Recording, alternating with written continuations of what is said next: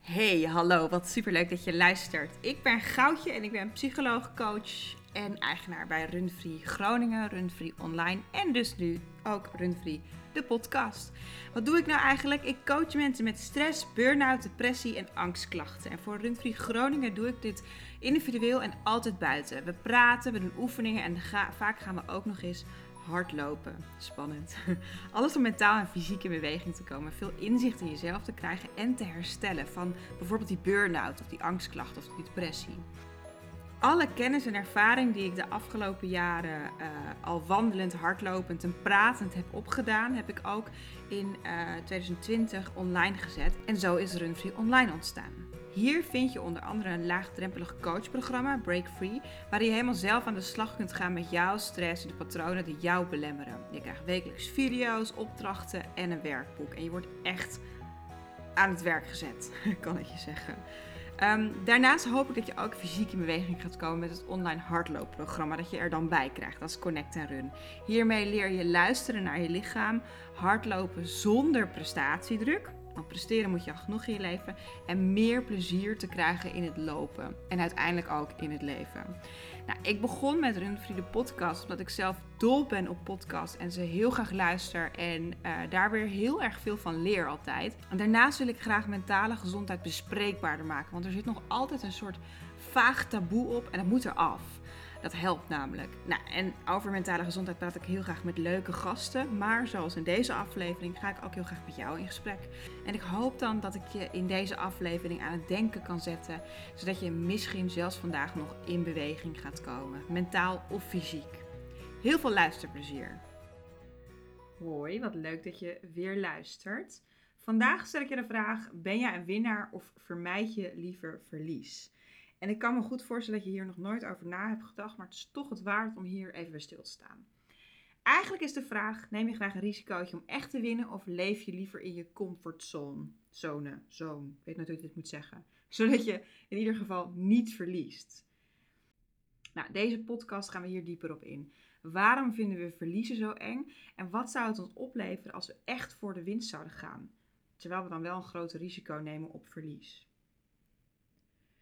Eerst even naar jou. Denk eens terug aan het moment dat je het gevoel had dat je echt had gewonnen. Wat was de situatie? Hoe voelde het? Welke emotie had je? Hoe heb je het gevierd? Denk er even rustig over na. En uh, zet gerust deze podcast heel even op pauze als je er nog niet helemaal uit bent. Is er ook een situatie waarin je echt keihard hebt verloren of gefaald? En hoe voelde dat dan? Nou, waarschijnlijk voelt het eerste enorm euforisch en gelukkig en blij. Heb je het misschien wel gevierd met champagne. En dat verliezen of falen, dat, dat kan gewoon bijna pijn doen. Of misschien wel echt pijn doen. Nou, wij mensen houden graag de controle over situaties. We houden niet van verlies. We haten verlies zelfs. We doen er alles aan om maar niet te, te hoeven verliezen. Wat we soms doen, en sommige mensen doen het zelfs altijd, is altijd in onze veilige comfortzone blijven leven. We lijden aan verliesaversie. het klinkt best onschuldig natuurlijk. Maar het kan het ook best zijn. Het kan zelfs heel helpend zijn, want een enorm verlies draaien kan financieel of emotioneel echt niet draaglijk zijn. Ehm, maar is altijd op safe spelen ook niet gewoon keihard verliezen? Nou, ik ga even een voorbeeld geven van mezelf. Ik werkte een tijd bij een uitzendbureau en uh, ik zat er wel comfortabel, want ik had geld. Uh, ik verdiende gewoon geld. En um, ja, ik had een baan en ik werkte aan mijn cv. En ik had, was een hele tijd werkloos geweest. En ik had de hele tijd geen baan gehad in de richting die ik wilde. Dus ik zat er eigenlijk wel prima op papier. Maar in werkelijkheid was ik eigenlijk doodongelukkig. En er waren er tijden dat ik elke dag huilend in de auto naar mijn werk zat. En het gevolg was daarvan dat ik um, heel veel stress ervaarde, steeds, steeds slechter ging slapen, steeds verder van mijn eigen gevoel verwijderd raakte en uiteindelijk bijna in een burn-out terecht kwam. Ik ga daar een keer meer over vertellen, vandaag niet. Maar um, om me heen vroegen vaak mensen aan mij van ja, waarom stop je daar dan gewoon niet? En ik dacht, stoppen? Ik kan toch niet zomaar stoppen? Dan ben ik alles kwijt. Dan ben ik die, dat veilige contract en dat veilige geld dat ik elke maand op mijn rekening uh, kwam, dat elke maand op mijn rekening kwam, uh, ben ik dan kwijt. Dus ik bleef op safe. Um, en een ander voorbeeld was, ik, um, dat is niet van mezelf, maar ik coach eens iemand die topsporter was. En ze was extreem in controle. Altijd en overal. En het zorgde voor enorm veel stress bij haar. En langzamerhand ontdekten we dat ze eigenlijk nooit echt voor de winst was gegaan. Ze was altijd bezig met het vermijden van verlies. Topsporter, hou dat eventjes in je hoofd. En gevolg was eigenlijk dat ze altijd zilver won en nooit een risico nam en dat nooit faalde. Um, en het gevolg van nooit falen was dat ze, nooit, dat ze eigenlijk niet echt leerde en dus ook niet zoveel groeide, dus ook nooit goud haalde. Bovendien leefde ze volgens een heel strak regime en uiteindelijk kwam ze bij mij terecht met hele ernstige klachten. Um, het zijn eigenlijk de gevolgen van het altijd in controle leven en altijd verlies willen vermijden. En ik ben wel benieuwd of jij al voor jezelf iets helder hebt. Of jij um, iemand bent die meer voor de winst gaat, met alle risico's van dien. Of iemand bent die juist heel erg uh, nou, verliesaversie heeft. Een verliesangst misschien wel heeft. Nou, waarom um, is dat controleverliezen nou zo eng? Dat is een van onze basisangsten. En dat is best wel heel logisch. Want zonder sturing, zonder enige controle, overleven we de wereld niet. Maar we hebben nou eenmaal sturing nodig. Je hebt nou eenmaal je hoofd nodig om bepaalde keuzes te maken. Maar sla je door in angst, in, sla je door in die controledrang, um, dan kan dat resulteren in echt een heel ellendig of stressvol of misschien wel heel saai leven, doordat je altijd maar in die comfortzone blijft leven. Nou, hoe laat je die controle los? Hoe ga je uiteindelijk voor de echte winst en laat je die, dat verlies vermijden los? Een paar tips. Luister eens wat meer naar je gevoel. En het klinkt misschien simpeler dan het is, of misschien is het wel helemaal niet zo heel moeilijk. Ik heb er een keer een podcast over opgenomen, maar luister even wat meer naar je gevoel. Wat wil jij echt? Wie ben jij echt? Wat voel je bij welke situatie? Dan stel jezelf de vraag: wat levert mijn comfortzone mij echt op? En wat is enger? Voor altijd in deze comfortzone blijven leven of een stap maken en echt winnen? Met alle gevolgen van dien misschien, met alle risico's van dien.